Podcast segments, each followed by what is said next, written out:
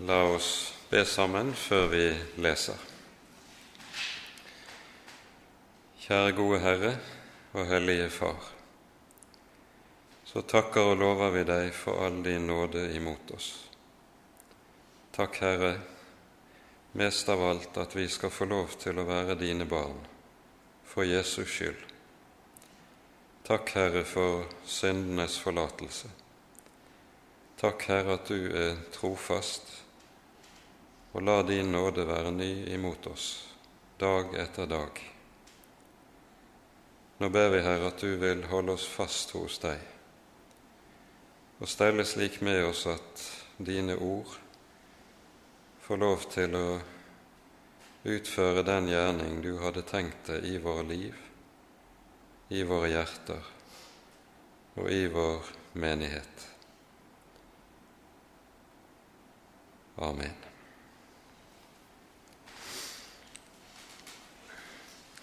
Sist gang var vi altså sammen om de eh, seks første versene i det fjerde kapittelet i Jakobs brev. Eh, og vi så hvordan dette avsnittet sluttet seg til det foregående avsnittet på slutten av kapittel tre, der eh, vi undervises om forskjellen på denne verdens visdom og den visdom som er av Gud, den visdom som er ovenfra.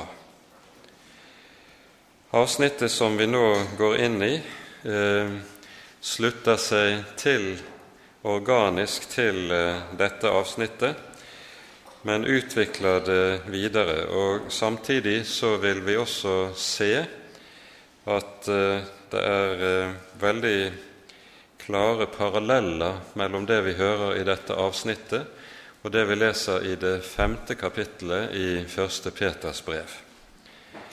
Men vi eh, leser nå fra vers seks og ut kapittelet, og leser i sammenheng. Desto større er nåden Han gir. Derfor sier Skriften:" Gud står de stolte imot, men de ydmyke gir Han nåde. Vær derfor Gud undergitt, men står djevelen imot, så skal han fly fra dere. Hold dere nær til Gud, så skal Han holde seg nær til dere. Gjør hendene rene, dere syndere, og rens hjertene, dere tvesinnede klag og sørg og gråt. La latteren vendes til sorg og gleden til bedrøvelse. Ydmyk dere for Herren, så skal Han opphøye dere. Baktal ikke hverandre, brødre. Den som baktaler en bror eller dømmer sin bror, han baktaler loven og dømmer loven. Men dersom du dømmer loven, da er du ikke lovens gjører, men dens dommer. Én er lovgiveren og dommeren, han som har makt til både å frelse og til å ødelegge. Men du, hvem er du som dømmer din neste? Nå vel, dere som sier, i dag eller i morgen drar vi til den eller den byen vi skal bli der ett år og drive handel og tjene penger. Dere som ikke kjenner morgendagen, hva er vel deres liv? Dere er jo bare en røk som viser seg en liten stund, og så er borte.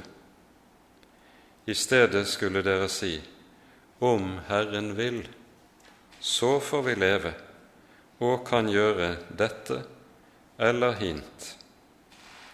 Men dere skryter og roser dere selv. All slik selvros er ond.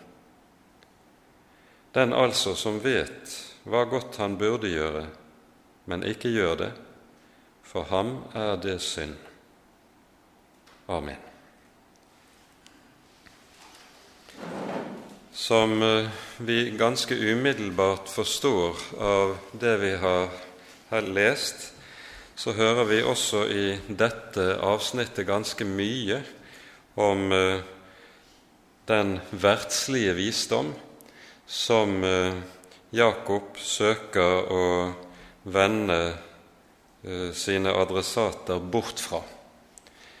Denne verdsligheten har vært omtalt altså på flere måter i det foregående, og vi møter den igjen altså her, ikke minst i de siste versene fra vers 13.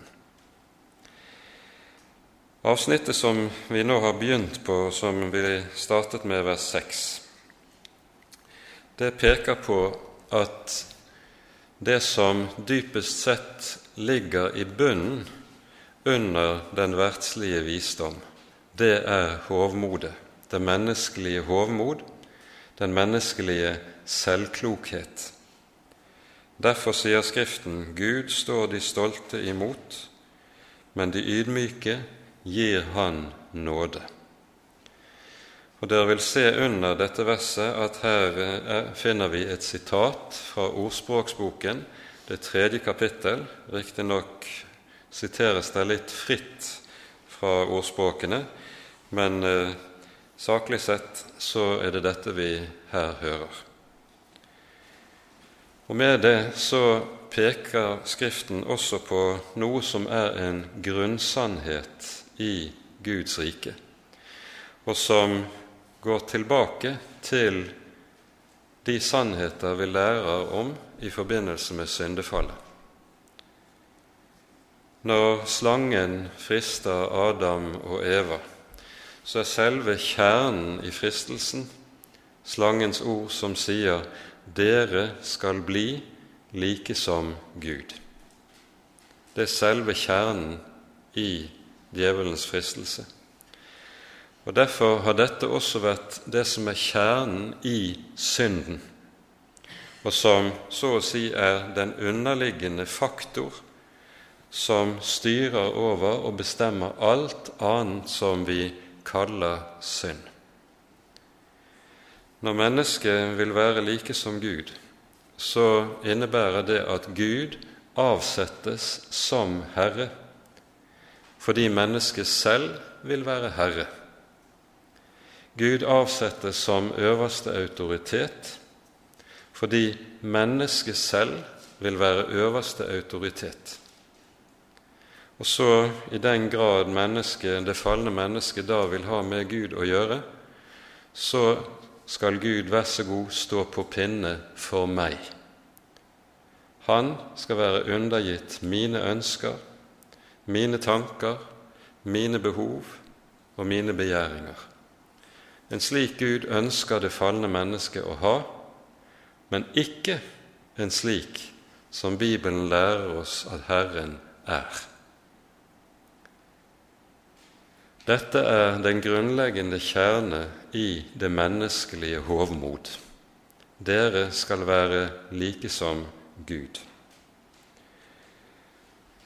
Og så avsetter man Gud, og i stedet for at Gud skal være selve sentrum i tilværelsen, så er det egoet, det menneskelige ego, som blir sentrum i tilværelsen. I stedet for avhengigheten av Gud trer en uavhengighet der mennesket vil stå på egne ben og være altså sin egen herre. Alt dette er forskjellige uttrykk for menneskets hovmod, og som skriver seg fra altså dette grunnleggende som skjer i syndefallet. Og Derfor er hovmodets synd noe av det mest alvorlige som Bibelen har å påtale. Det er også i møte med dette at vi hører Jesus undervise når disiplene ved en anledning diskuterer seg imellom hvem av dem som er den største eller den fremste iblant dem. Vi hører om dette i Matteusevangeliets 18. kapittel, og vi kan godt ta oss tid til å lese de fire første versene i Matteus 18. I samme stund kom disiplene til Jesus og sa, Hvem er den største i himlenes rike? Han kalte da et lite barn til seg og stilte det midt iblant dem og sa:" Sannelig sier jeg dere, uten at dere omvender dere og blir som barn, kommer dere slett ikke inn i himlenes rike. Den som gjør seg liten som dette barn, han er den største i himlenes rike. Enkelte som leser dette, de tenker som så Hva er det med barna som gjør at Jesus kan sette dem som forbilder og eksempler for oss? Og tenker som så at det må da bety at barna er så rene og uskyldige, og på den måten er de våre forbilder. Men det er ikke det som ligger i Jesu tale her, det ser vi ikke minst av det han sier i vers 4. Det som gjør at Jesus setter barnet som forbilde, det er rett og slett at barnet er lite. Barnet er hjelpeløst. Barnet klarer ikke seg selv. Barnet er totalt avhengig av, det er kastet på sine foreldre. Og Derfor sier Jesus altså den som gjør seg liten som dette barn, han er den største i himlenes rike. Og Det er også det som ligger i begrepet ydmykhet. Det handler ikke om å gå rundt med eh, en kunstig smil om leppene og late som man er spesielt ydmyk. I litteraturen har vi en slik skikkelse som noen av dere kanskje har møtt i Charles Dickens sin uh, Uriah Heap, som er en sånn falsk vandrer rundt med en sånn falsk ydmykhet som er direkte motbydelig for alle som møter den. Nei, det Jesus taler om her, det er nettopp det å være liten i seg selv.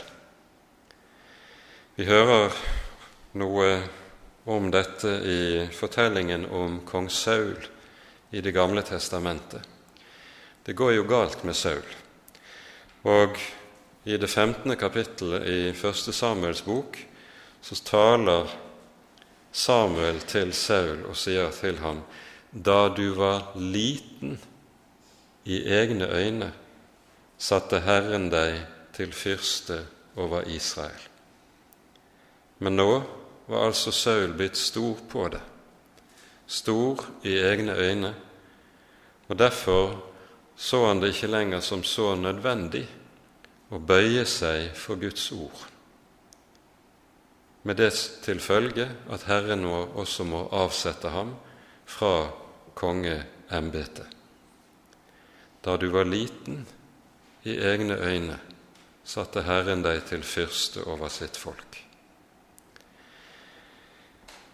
Hva dette sinn innebærer, som vi hører Jakob taler om i denne sammenheng, det lærer vi kanskje aller tydeligst hos døperen Johannes, når han, eh, vi hører i Johannesevangeliets tredje kapittel om eh, hvorledes disiplene hans kommer til ham og klager over at det er flere og flere som nå slutter seg til Jesus, mens færre og færre dukker opp hos Johannes, og så er det tydelig at døperens virksomhet går nedover, mens Jesu virksomhet peker oppover.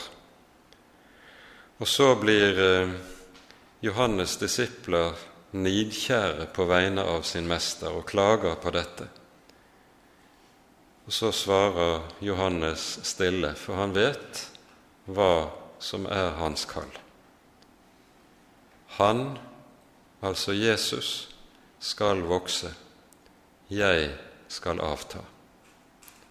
Han skal vokse, jeg skal avta. Og Dette er også så å si kjernen i det som har med den kristne ydmykhet å gjøre.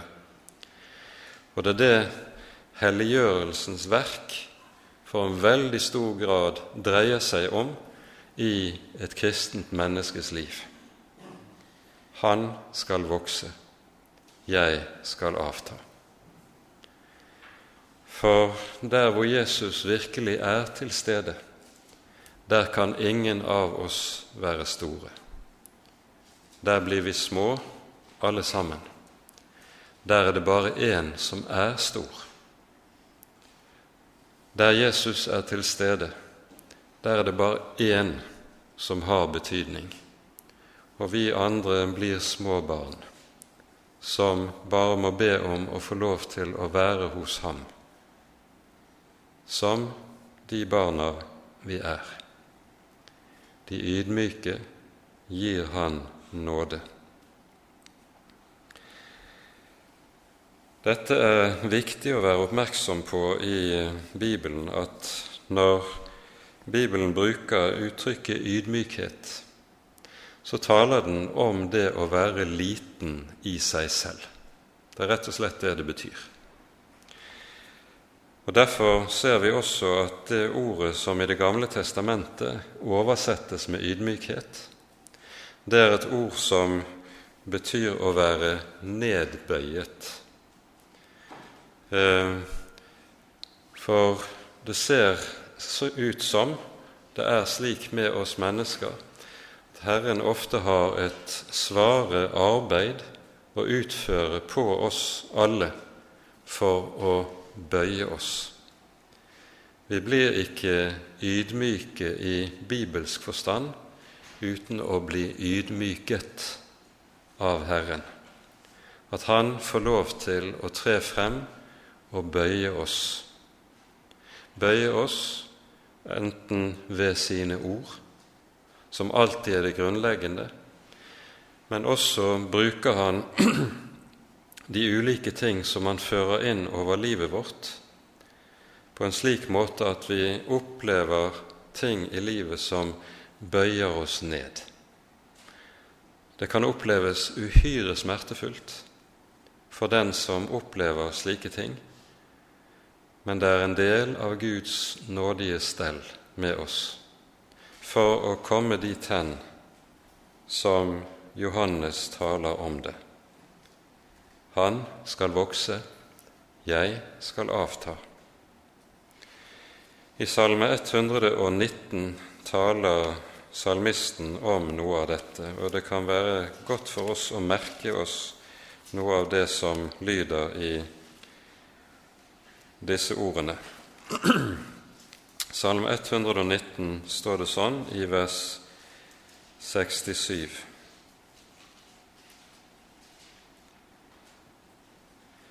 Før jeg ble ydmyket, for jeg vil men nå holder jeg ditt ord. Og så følger det i vers 71.: Det er godt for meg at jeg ble ydmyket, så jeg kunne lære dine forskrifter. Og konsekvensen av dette er det som følger i det neste verset. Din munns lov er bedre for meg enn tusen stykker gull og sølv. For den som på denne måten bøyes av Herren, så fører det til at Herrens ord får en overmåte stor verdi for en. Det blir det mest verdifulle som en eier. Slik taler altså Bibelen om hvordan Herren steller med oss. Og så forstår vi at det var godt for meg at jeg ble ydmyket. For, står det, de ydmyke gir Han nåde. Går vi nå tilbake til Jakob 4, så står det i det syvende verset følgende.: Vær derfor Gud undergitt. Men står djevelen imot, så skal han fly fra dere. Og Her gjør vi vel i å merke oss sammenhengen mellom disse to ordene, versene. For poenget er jo her at alt menneskelig hovmod, det har alltid djevelen som kilde, som sitt opphav. Det var djevelen som fristet mennesket med hovmodets synd. Dere skal bli like som Gud. Og eh, det har ikke vært uvanlig å tenke når en har utlagt syndefallsberetningen i Kirkens historie, at dette som er selve hovedsynden som djevelen frister mennesket med, det er også det som er djevelens egen synd. Når han gjør opprør mot Gud som en av de øverste englene, så er opprøret motivert nettopp av det samme. Han vil bli like som Gud. Han vil selv være herre og ikke ha noen Gud over seg. Vær derfor Gud undergitt. Eh, det ordet som her er oversett med å være undergitt, det er et ord som eh, bokstavelig må oversettes med å være underordnet. Slik oversettes det i de fleste andre sammenhenger i eh, Det nye testamentet. Og tankegangen er at det her er tale om en guddommelig ordning som er nedlagt i skaperverket. Eh, det er nettopp slik at det er dette begrepet for en ordning som Gud har satt inn i skaperverket, som er stammen i dette ordet. Og ordningen i skaperverket er altså den at når mennesket står under sin Gud, da faller også alle ting i skapelsen på sin rette plass. Men der mennesket ikke vil være Gud undergitt og stå Gud undergitt, da kommer alt ut av ordning, og så blir kaos den uvegerlige frukt og det uvegerlige resultat av dette. Vær derfor Gud undergitt. Og da kommer ting i sin rette skikk. Men står djevelen imot, så skal han fly dere. Her nevnes djevelen som personlighet. Tidligere i brevet så har vi et par steder hørt f.eks. i 3.15 om den verdslige visdom som kalles djevelsk. Her brukes et annet ord i grunnteksten, det er diabolsk. Altså det er eh, de onde ånder det taler om. Mens her brukes grunn, Bibelens ord for djevelen selv. Og djevelen, når vi skal stå han imot, så er det særlig tre felter han er virksom på, og tre arbeidsmåter han virker på. For det første virker han som fristeren. Han søker å friste og forføre mennesket til synd. Og når han virker som fristeren, så virker han slik at han appellerer til det som ligger i våre egne hjerter. For vi har lysten, den onde lyst, liggende i våre egne hjerter. Og så har djevelen en forbundsfelle nettopp i våre egne hjerter. Det første altså området det handler om å stå djevelen imot, er på det som har med fristelsen å gjøre. For det andre opererer djevelen som anklageren.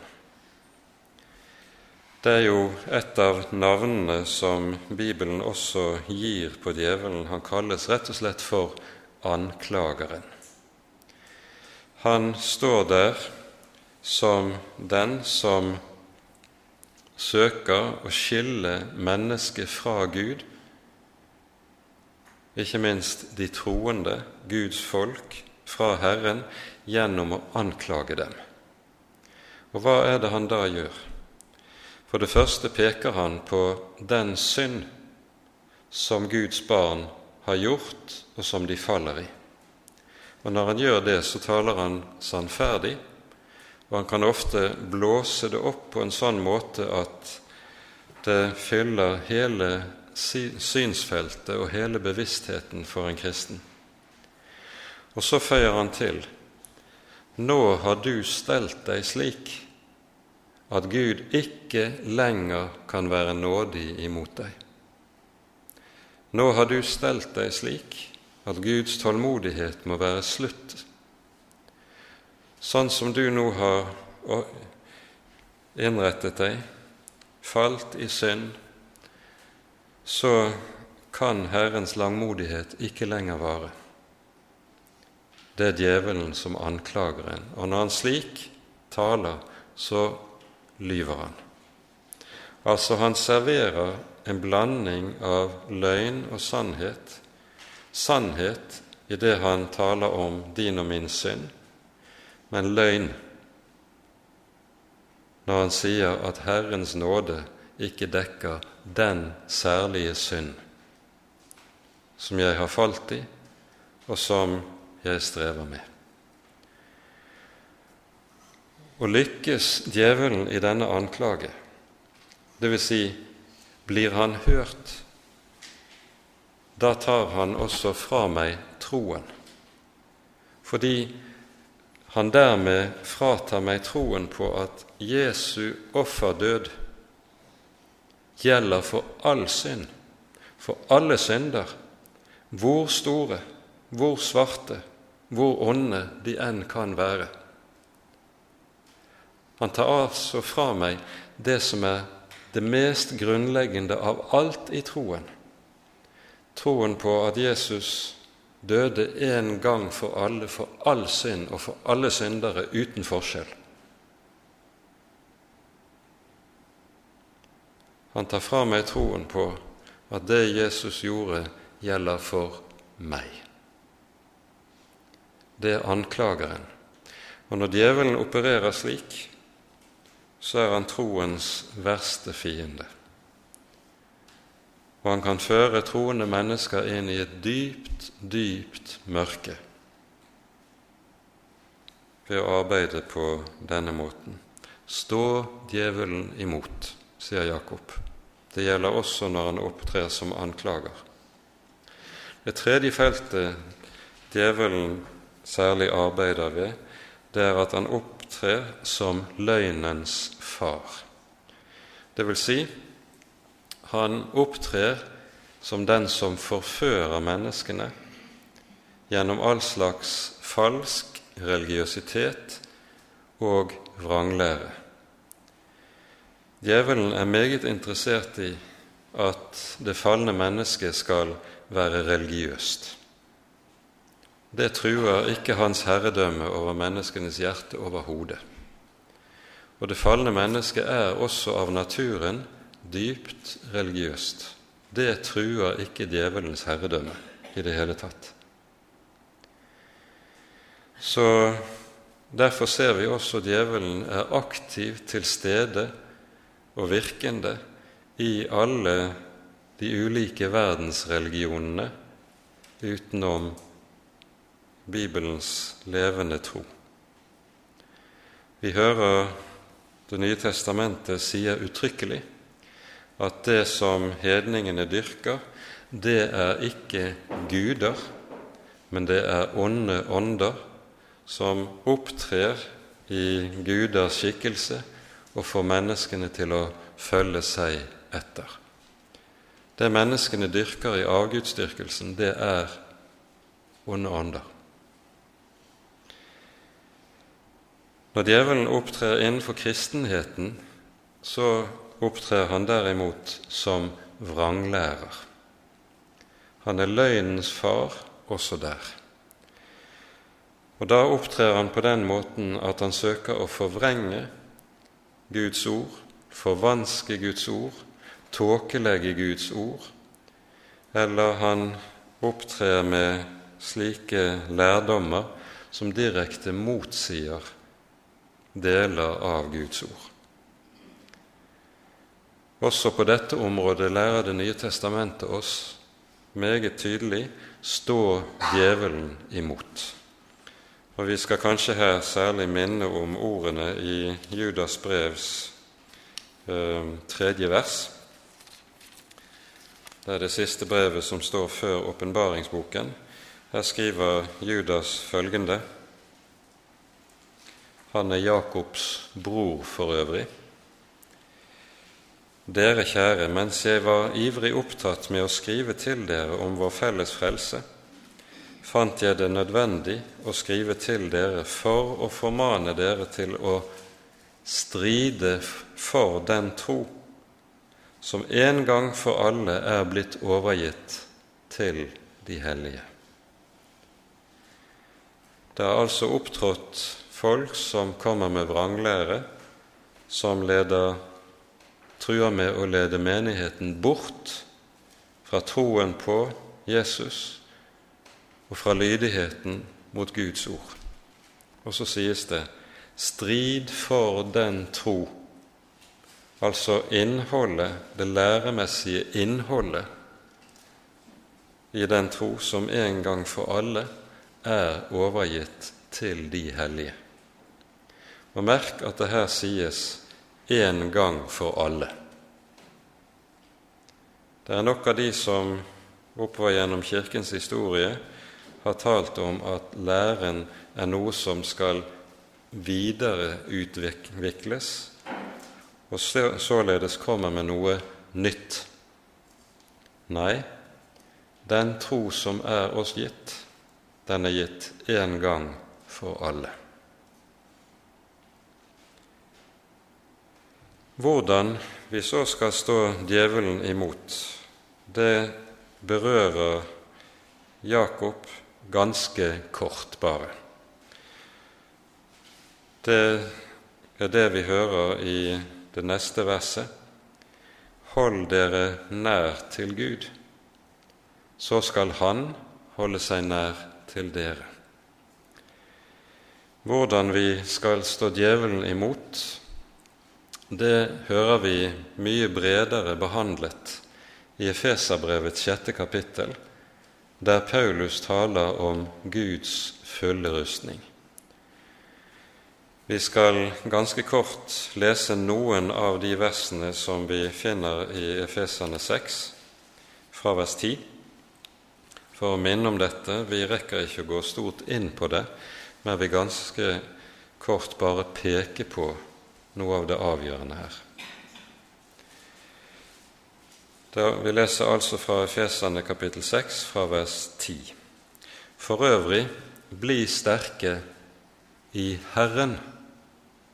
Merk det, ikke i dere selv. Det sies 'bli sterke i Herren' og i Hans veldes kraft. Ikle dere Guds fulle rustning, så dere kan holde stand mot djevelens listige angrep. For vi har ikke en kamp mot kjøtt og blod, men mot makter, mot myndigheter, mot verdens herskere i dette mørket, mot ondskapens ånde her i himmelrommet. Ta derfor Guds fulle rustning på, så dere kan gjøre motstand på den onde dag, og bli stående etter å ha overvunnet alt. Og så beskrives i de følgende vers rustningens ulike deler. Og Det vi da skal merke, merke oss, det er at det er med denne rustningen som det er ved enhver hær. Når du går inn i hæren, så får du utlevert utstyret og uniformen det ligger der som noe som er ferdig. Det er ikke noe du selv skal lage i stand og sy sammen. Du skal ikke smi ditt eget sverd. Nei, dette er noe som ligger der ferdig. Og vi ser, når vi leser disse versene i sammenheng, det er at det de beskriver, det er ulike sider ved frelsesverket i Herren Jesus. Det er altså noe som er gitt oss i og med frelsen ved Kristi person. Det er det som er rustningen. Rustningen består ikke i noe vi skal gjøre eller være eller prøve på, men den består i noe vi har fått ved troen på Kristi fullbrakte frelse. Og det er ved å være iført dette vi kan gjøre motstand på den onde dag. For her duger ikke egen kraft. Her duger ikke egen tanke. Her duger ikke menneskelig erfaring. Her duger bare det som er gitt oss i vår Frelser. Ta derfor Guds fulle rustning på, så dere kan gjøre motstand og bli stående.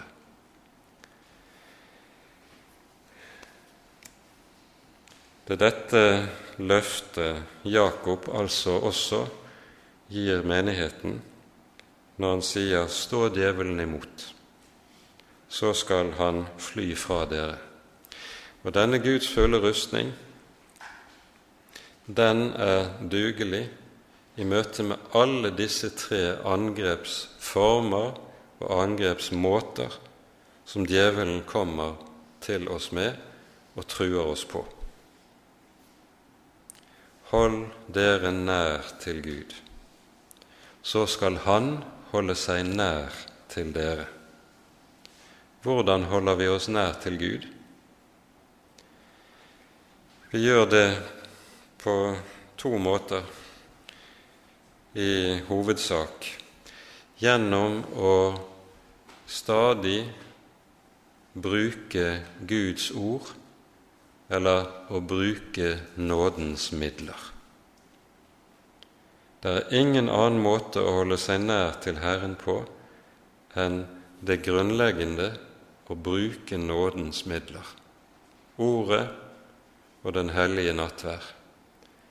Et kristent menneske kan ikke klare seg uten dette. Han er ikke så stor, han er ikke så selvhjulpen at han kan greie seg uten det. Han vet at dette trenger jeg for i det hele tatt å kunne leve. Til dette hører også bønn. For hva er bønn? Bønn er å komme til Jesus med sin nød. Bønn er å komme til Jesus med sin fattigdom og sin hjelpeløshet. Bønn er å komme til Jesus med alle sine behov og alt det som mine kjære, mine nærmeste, min neste trenger. Komme til Jesus og legge det i hans hender. I bønn om at han må ta seg av saken, fordi jeg ikke er i stand til det. Hold dere nær til Gud, så skal Han holde seg nær til dere. Dette er et uttrykk som jo er hentet fra Salmenes bok, i Salme 73. Eh, leser vi i det siste verset For meg er det godt å holde meg nær til Herren og sette min lit til Herrens navn. Det å holde seg nær til Gud, det er noe som er et privilegium som Guds barn har fått i og med evangeliet. I Hebreabrevet står det sånn i det syvende kapittel og det nittende verset. Loven førte jo ikke noe til fullkommenhet, men et bedre håp blir ført inn, altså ved Jesus som vår øverste prest, som gir seg selv i vårt sted.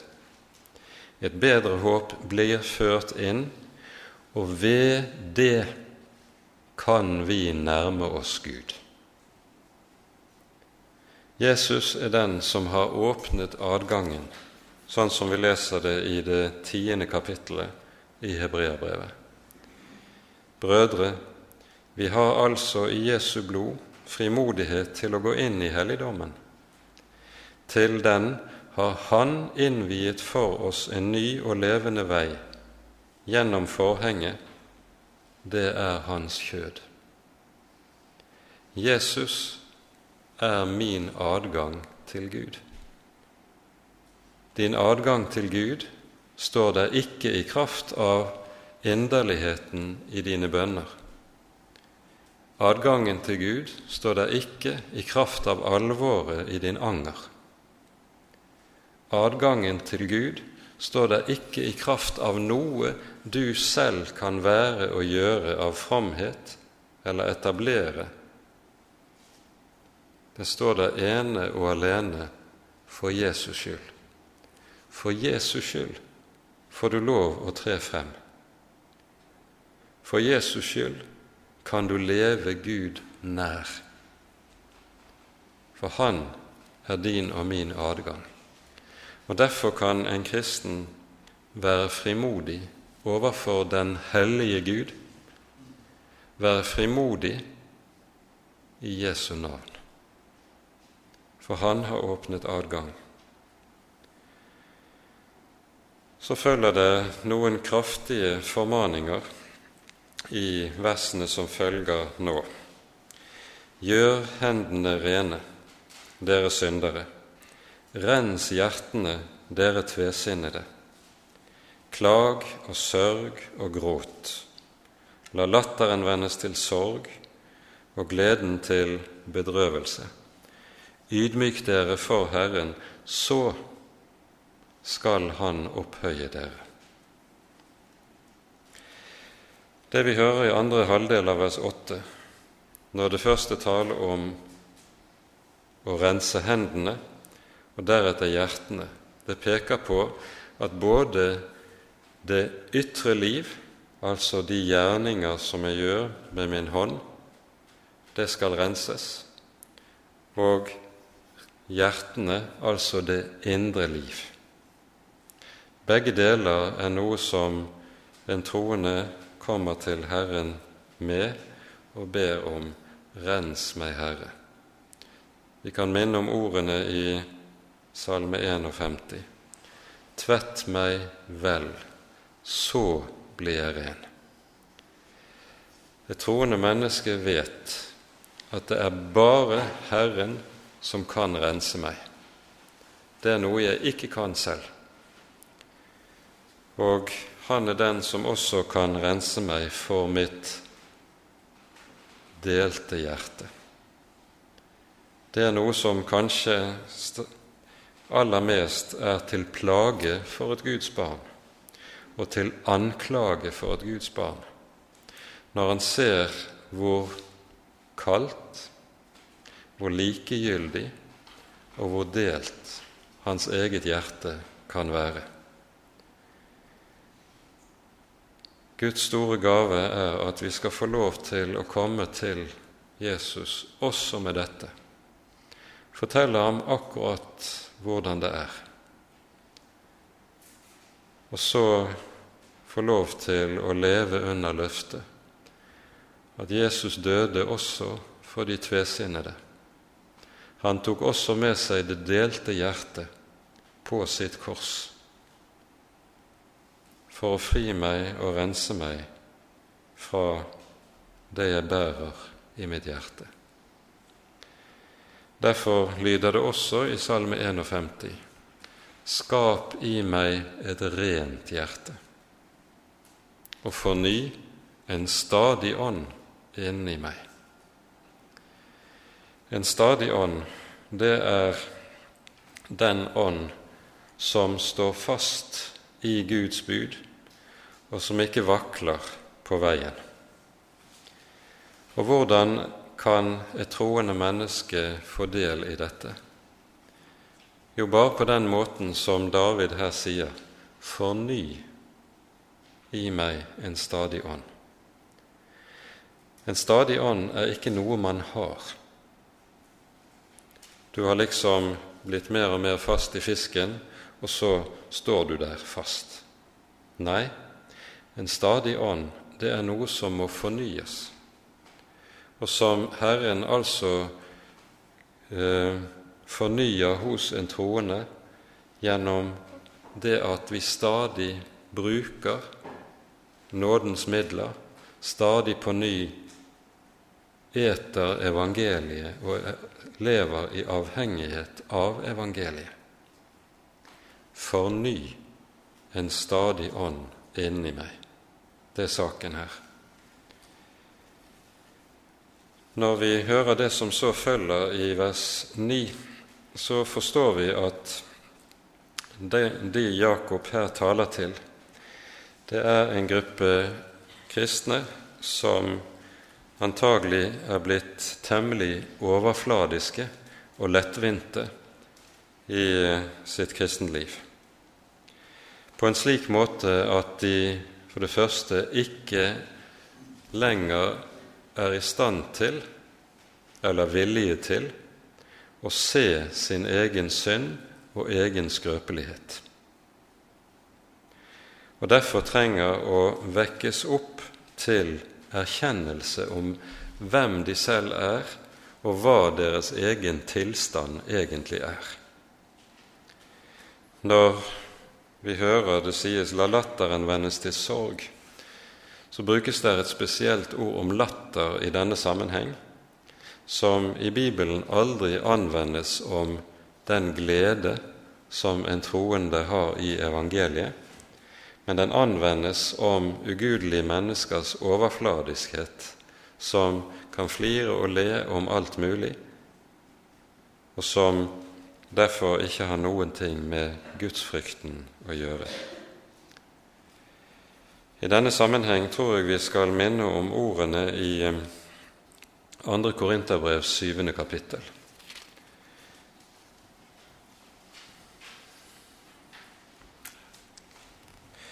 Her eh, eh, minner Paulus korinterne om hvordan han har voldt dem sorg ved det første brevet som han skrev til dem. Ja, skal ikke en kristen være glad da? Jo, men når kristne kommer ut på gale veier, da kan det være nødvendig med et vekkende ord som skaper den sorg som det her er tale om. Vi leser fra vers 9 av. Jeg gleder meg nå ikke over at dere fikk sorg, men fordi dere ble bedrøvet til omvendelse. For den sorg som kom over dere, var av Gud, for at dere ikke skulle lide noen skade på grunn av oss. For bedrøvelsen etter Guds sinn virker omvendelse til frelse, som ingen angrer. Men verdens bedrøvelse virker død. Her hører vi altså om en sorg, en bedrøvelse, som er etter Gud, og som fører til omvendelse. Som altså ikke lar et menneske bli ved tur og ture, fortsette å ture frem på en vei som leder bort fra Herren. En bedrøvelse som kommer av at en er blitt vakt til erkjennelse av seg selv og sin sanne situasjon. Og en slik bedrøvelse er altså av Gud, og den virker omvendelse. Den fører til frelse. Den skaper som sin frukt den egentlige glede. Og så sluttes det i dette korte avsnittet altså av med ordene Ydmyk dere for Herren, så skal Han opphøye dere.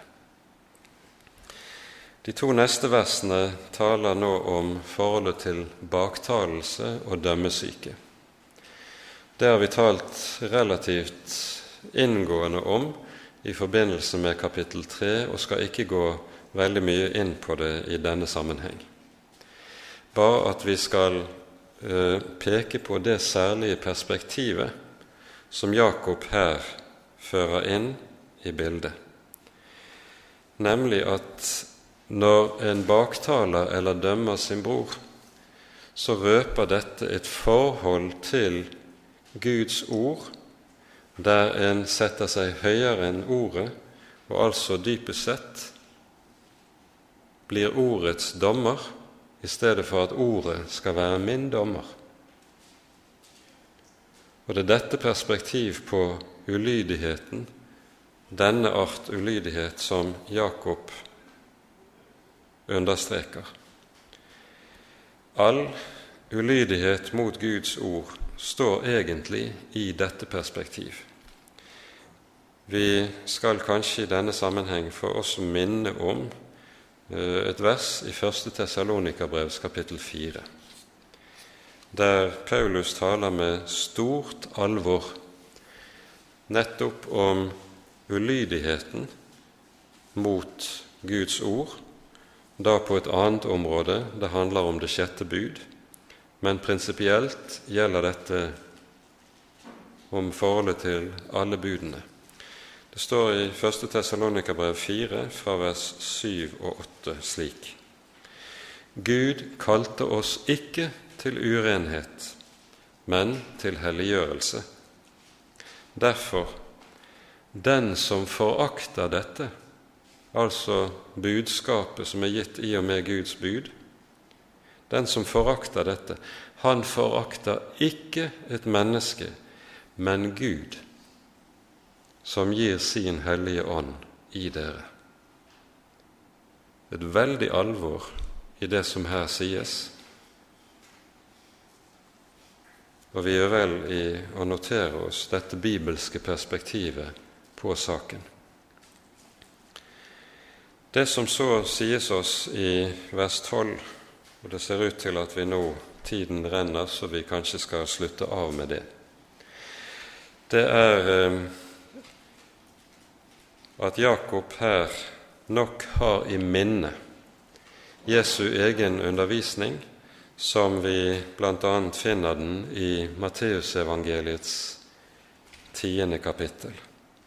Her sies det altså én er lovgiveren, og dommeren, han som har makt til både å frelse og til å ødelegge. Men du, hvem er du som dømmer din neste? I Matteusevangeliets tiende kapittel taler Jesus om Guds frykten og sier følgende.: Frykt ikke for dem som dreper legemet, men ikke kan drepe sjelen Frykt heller for ham som kan ødelegge både sjel og legeme i helvete. Dette er også ord av et veldig alvor og en veldig dybde som dessverre i våre dager i, liten utstrekning er fremme. For her hører vi hvordan Jesus med full tyngde legger frem for oss hva det vil si at Gud er dommeren og den som har rett til å dømme mennesket til fortapelsen også, om så skal være. Han gjør ikke urett om han så gjør. Han handler kun rettferdig også om så skjer. Derfor skal vi frykte Gud, fordi Han er den store dommer, og Han er den hellige. Han er den som har makt til både å frelse og til å ødelegge, sier Jakob. Men her står vi altså overfor en side ved Guds ord som mer og mer synes å bli fortiet i våre dager. Vi får nærmest inntrykk av, ut fra det som sies fra både den ene og den andre kirkelige dignitær, at dersom Gud skulle straffe for synd, eller enda verre la et menneske gå fortapt, så kan Gud ikke være en, verken en nådig eller en kjærlig Gud. Og slik fornekter en Bibelens tale om Guds hellighet. Og slik fornekter en Bibelens tale om omvendelsens nødvendighet. Og dermed så blir alt det som kan føre til et kristent liv og et liv i det som kalles for Guds frykt, det blir ødelagt, og det blir borte. Kanskje vi i våre dager skulle ganske særlig notere oss ordene hos profeten Jesaja i Jesaja-bokens åttende kapittel.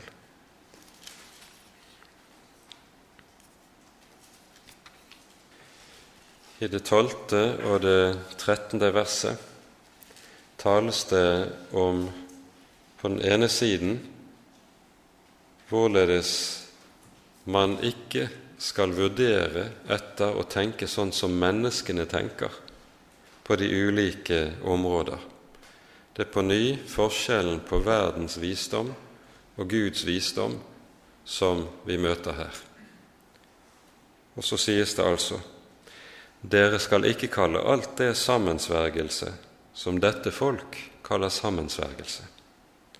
Og det som dette folk frykter for, skal dere ikke frykte eller engste dere for. Herren, herskarenes Gud, ham skal dere holde hellig, og han skal være deres frykt, han skal være deres redsel. Ja, slik taler Den hellige Skrift.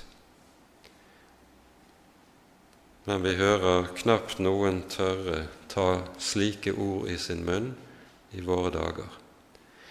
Men det er dette alvor i møte med at Gud er den Han er, som dirrer gjennom alt det Jakob har å si i sitt brev, og som gir det en så alvorlig tone i disse sammenhengene som vi har vært inne i nå. Herren, herskarenes Gud, ham skal dere holde hellig. Han skal være deres frykt, og han skal være deres redsel. Og der Gud fryktes, der behøver man ikke å frykte mennesker. Der er man fri fra mennesker.